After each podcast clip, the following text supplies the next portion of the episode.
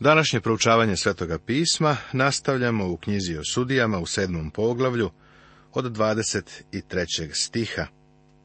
I govorimo o Gedeonovoj strategiji u bici sa Madijanima i Amalicima. Kao što smo već rekli, Madijani i Amalici su bili pustinska nomadska plemena. Opljačkali su Izrael i zaplenili njihovo žito i useve. Imali su vrlo labavu organizaciju.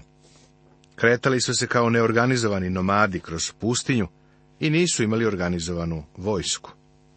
Oko logora su postavili nekoliko stražara, ali je većina naroda spavala tu i tamo ovde, onde. Nisu očekivali napad noću. Pre svega noću je vidljivost otežana.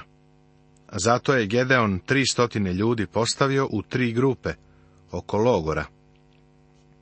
U određeno vreme oni su zatrubili u trube, porazbijali čupove, pa je svetlost zasjela. Svaka truba je bila dokaz da je tu sigurno nekoliko stotina neprijatelja.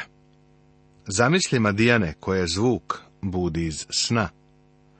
Prvo su počeli da vitlaju mačevima u svim pravcima. Izraelci nisu imali mačeve. Samo su držali svetiljke, a Madijani su jurili jedni druge. Bio je to pravi rusvaj, Madijani su uskoro pobegli preko brda među visoko drveće koje je bilo izvan te oblasti. Ovo je Gedeonu i Izraelcima dalo divnu pobedu. U ovom izveštaju imamo neke divne duhovne poruke. Pre svega voleo bih da se vratimo na runo i rosu. Potrebno nam je da Bog u našim životima sprovede unutrašnje preuređenje. Treba da ga molimo da orosi naše suve, neplodne živote. U proroku Osiji u Starom Zavetu u 14. poglavlju u 5. stihu Bog kaže Biću kao rosa Izraelu, procvetaće kao ljiljan i pustit će žile svoje kao drveta livanska. O ovome je Bog govorio nekoliko puta. Iza Josifa reče Blagoslovena je zemlja njegova od gospoda, blagom s neba, rosom i iz dubine od ozdo, kako kaže peta knjiga Mojsijeva u 33. poglavlju. Careva je srdnja kao rika mladog lava, a ljubav je njegova kao rosa travi, kažu priču u 19. poglavlju 12. stih. A u trećem poglavlju 20. stih kažu, njegovom mudrošću razvališe se bezdani i je kaplju rosom.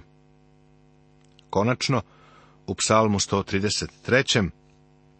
Bog kaže Kako je lepo i krasno kad sva braća žive zajedno, kao dobro ulje na glavi, koje se stače na bradu, bradu Aronovu, koje se stače na skut od haljine njegove, kao rosa na Hermonu, koja silazi na gore Sionske, jer je onde utvrdio gospod blagoslov i život do veka.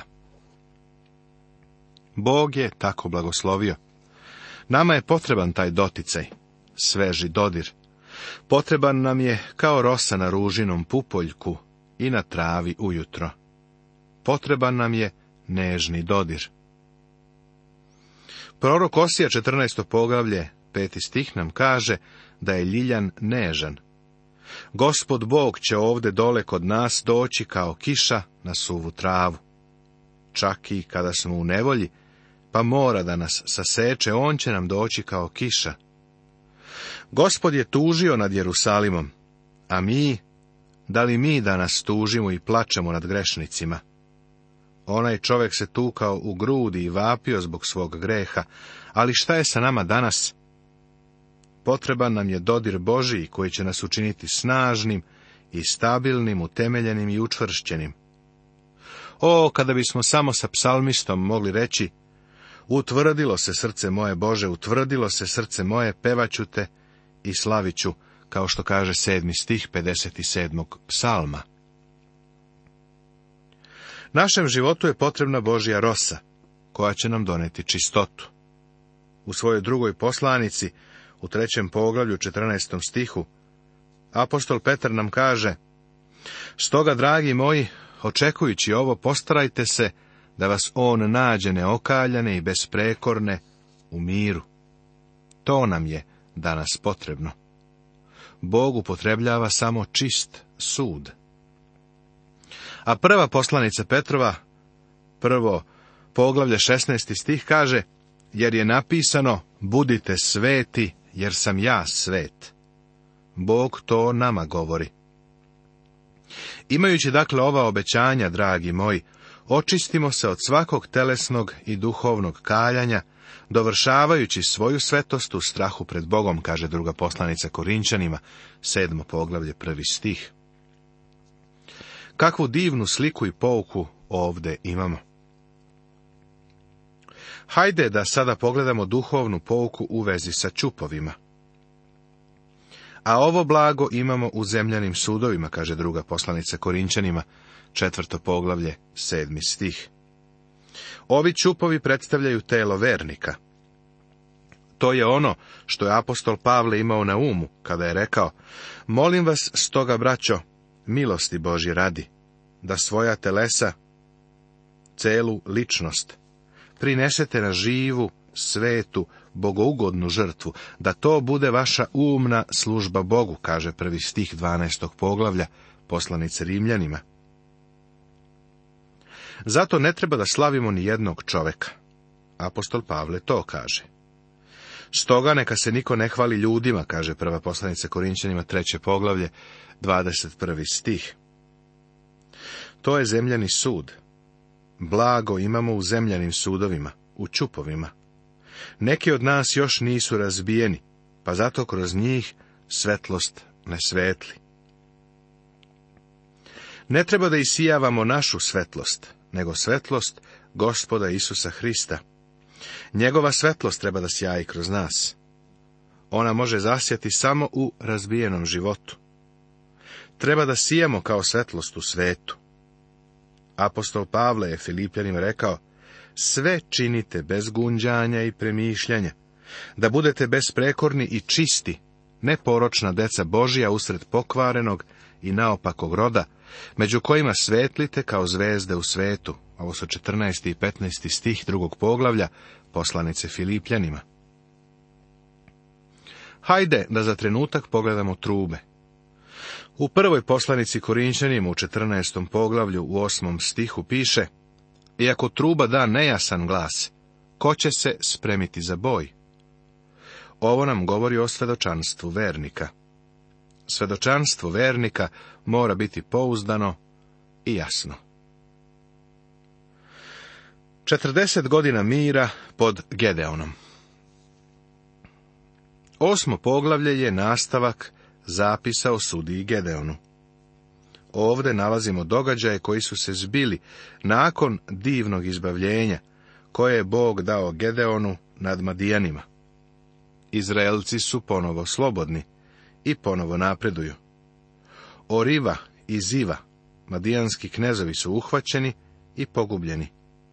Izraelci su prvi put posle dugog vremena blagosloveni i tako su zahvalni Gedeonu za sve što je učinio da žele da vlada nad njima. Potom rekoše Izraelci Gedeonu. Budi nam gospodar ti i sin tvoj i sin sina tvojega jer si nas izbavio iz ruke Madijanske. Ovde se prvi put u Svetom pismu nagoveštava činjenica da su Izraelci želeli da imaju cara koji bi nad njima vladao. Bog im je na početku rekao da ne želi da imaju cara, kao drugi narodi oko njih. Ali, pošto ih je Gedeon izbavio iz ropstva, oni su želeli da on prihvati poziciju cara. On je prvi kome je tako visok položaj ponuđen, ali ga je on odbio. Kasnije ćemo vidjeti da Izrael ponovo traži cara. U stvari oni insistiraju na tome da imaju cara, pa ga na kraju i zahtevaju. Tada Bog kaže Samuilu, koji je bio posljednji sudija i prvi u liniji proroka, da on treba da im pomaže cara. Bog također jasno pokazuje da Izrael ne odbacuje Samuila, nego Boga. Bog je želeo da vlada nad svojim narodom. Teokratija je trebalo da bude oblik vladavine u Izraelu. U ovom slučaju Bog je Gedeona divno upotrebio, ali Izrael želi da Gedeon vlada nad njima. Ne samo da žele da Gedeon vlada, nego žele da vlada i njegov sin, pa njegov sin i tako dalje. To znači da žele cara kakvog su imali narodi oko njih. Obrati pažnju na izvanredan odgovor koji je Gedeon dao narodu. A Gedeon im reče, Neću vam ja biti gospodar, niti će vam sin moj biti gospodar. Gospod će vam biti gospodar. Gedeon je zaista naučio lekciju i u to više nema sumnje. Ovaj mladić koji je vršao pšenicu pomoću vinske prese, shvatio je da je kukavica, znao je da mu je Bog dao pobedu. Znao je da on sam nije imao snage za pobedu u borbi, ali je uvideo da ga je Bog radi toga podigao. Gedeon je zaista bio izvanredan čovjek. On se spominje u poslanici Jevrejima u 11. poglavlju, nabrojan je među herojima vere. U stvari, on je na vrhu spiska sudija. Na tom spisku je čak pre Davida. I šta još da kažem, ne bi mi na ime dostajalo vremena kad bih stao pričati o Gedeonu, Varaku, Samsonu, Jeftaju, Davidu i Samuilu i prorocima, koji verom pobediše carstva, izvršiše pravednost, postigoše obećanja, zatvoriše usta lavovima, ugasiše silu ognjenu, Izbegoše oštricu mača, od slabosti se okrepiše, u boju ojačaše, tuđinske vojske nagnaše u bekstvo, kaže poslanica Jevrejima u 11. poglavlju od 32. do 34. stiha. Pisac poslanice Jevrejima kaže da nema vremena, da se o njima sve kaže, a on je želeo da priča o Gedeonu. Bog je podigao Gedeona da ispuni izuzetan zadatak. Ovo nas uči da svaki čovjek i žena koje Bog koristi moraju da budu upotrebljeni pod Božim uslovima. A Bog bira ono što je u svetu slabo. Izgleda da, iako su sudije imale neke upadljive nedostatke, Bog ih je u većini slučajeva upotrebio. Gedeonova slabost je bila to što je bio kukavica. Bilo je prilika u mojoj službi kada sam se osjećao vrlo bliskim sa ovim čovekom. Kada sam 1949. godine postao pastir velike crkve Otvorena vrata u Los Angelesu, Kaliforniji, u Sjedinjenim američkim državama, prvu propoved sam propovedao o Gedeonu. Svrstao sam se u njegovu kategoriju. O ovoj zajednici sam došao u slabosti. Jedino zbog čega uviđam da me je Bog pozvao, jeste to što sam bio sličan Gedeonu, slab i kukavica.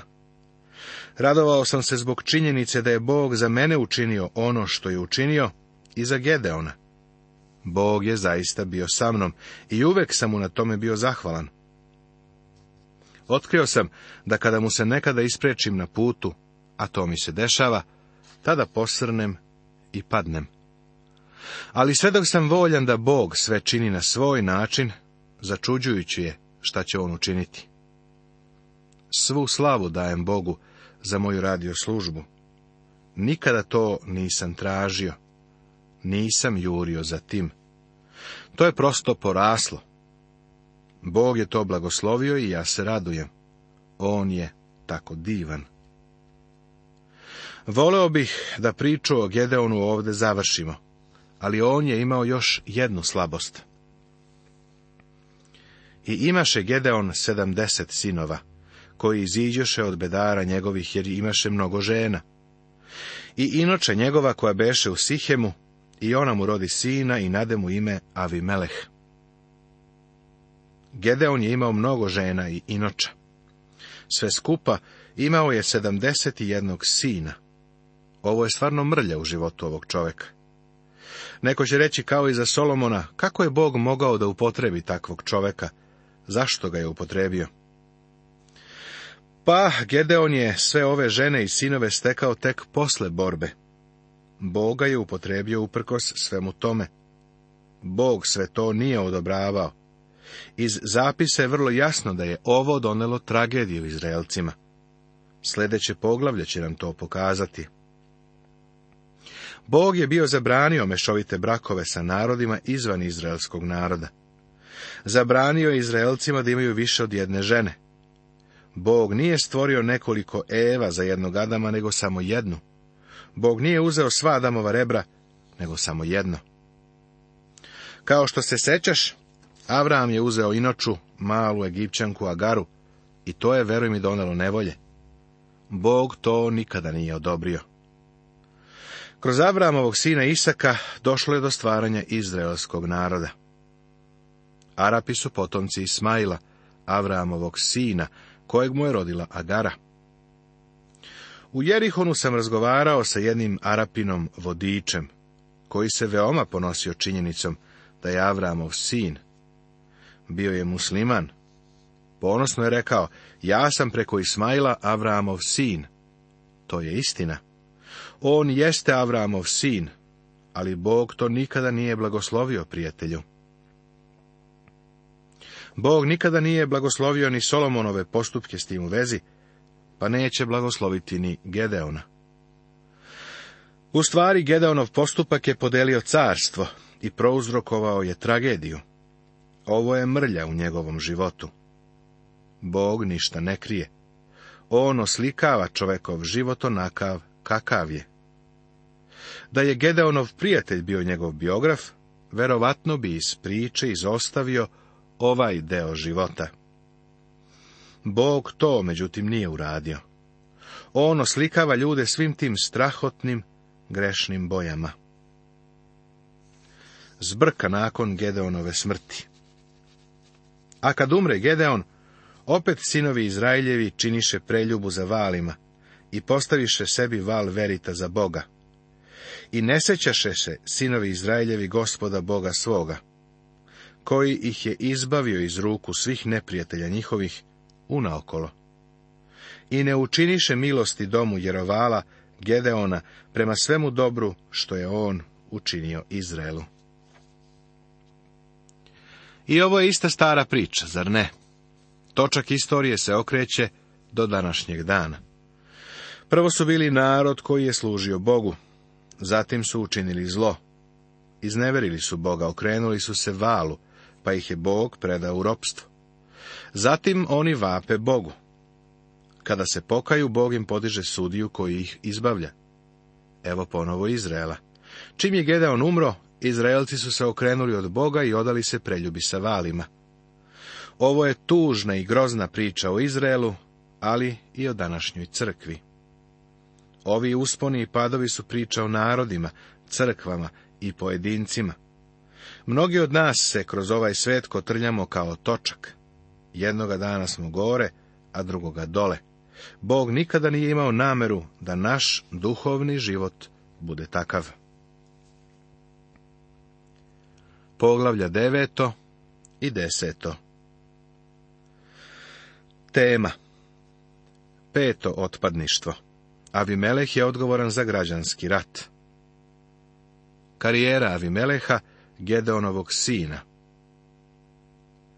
Ovo poglavlje nam kazuje istoriju Avimeleha, grešnog i zlog sina Gedeona i njegove inoče. Vidiš, Gedeon nije smeo da ima inoče, ovo je narodu stvorilo nevolje. I Javi Meleh, sin Jerovalov, otide u Sihem k braći matere svoje i reče njima i svemu rodu otačkog doma matere svoje govoreći.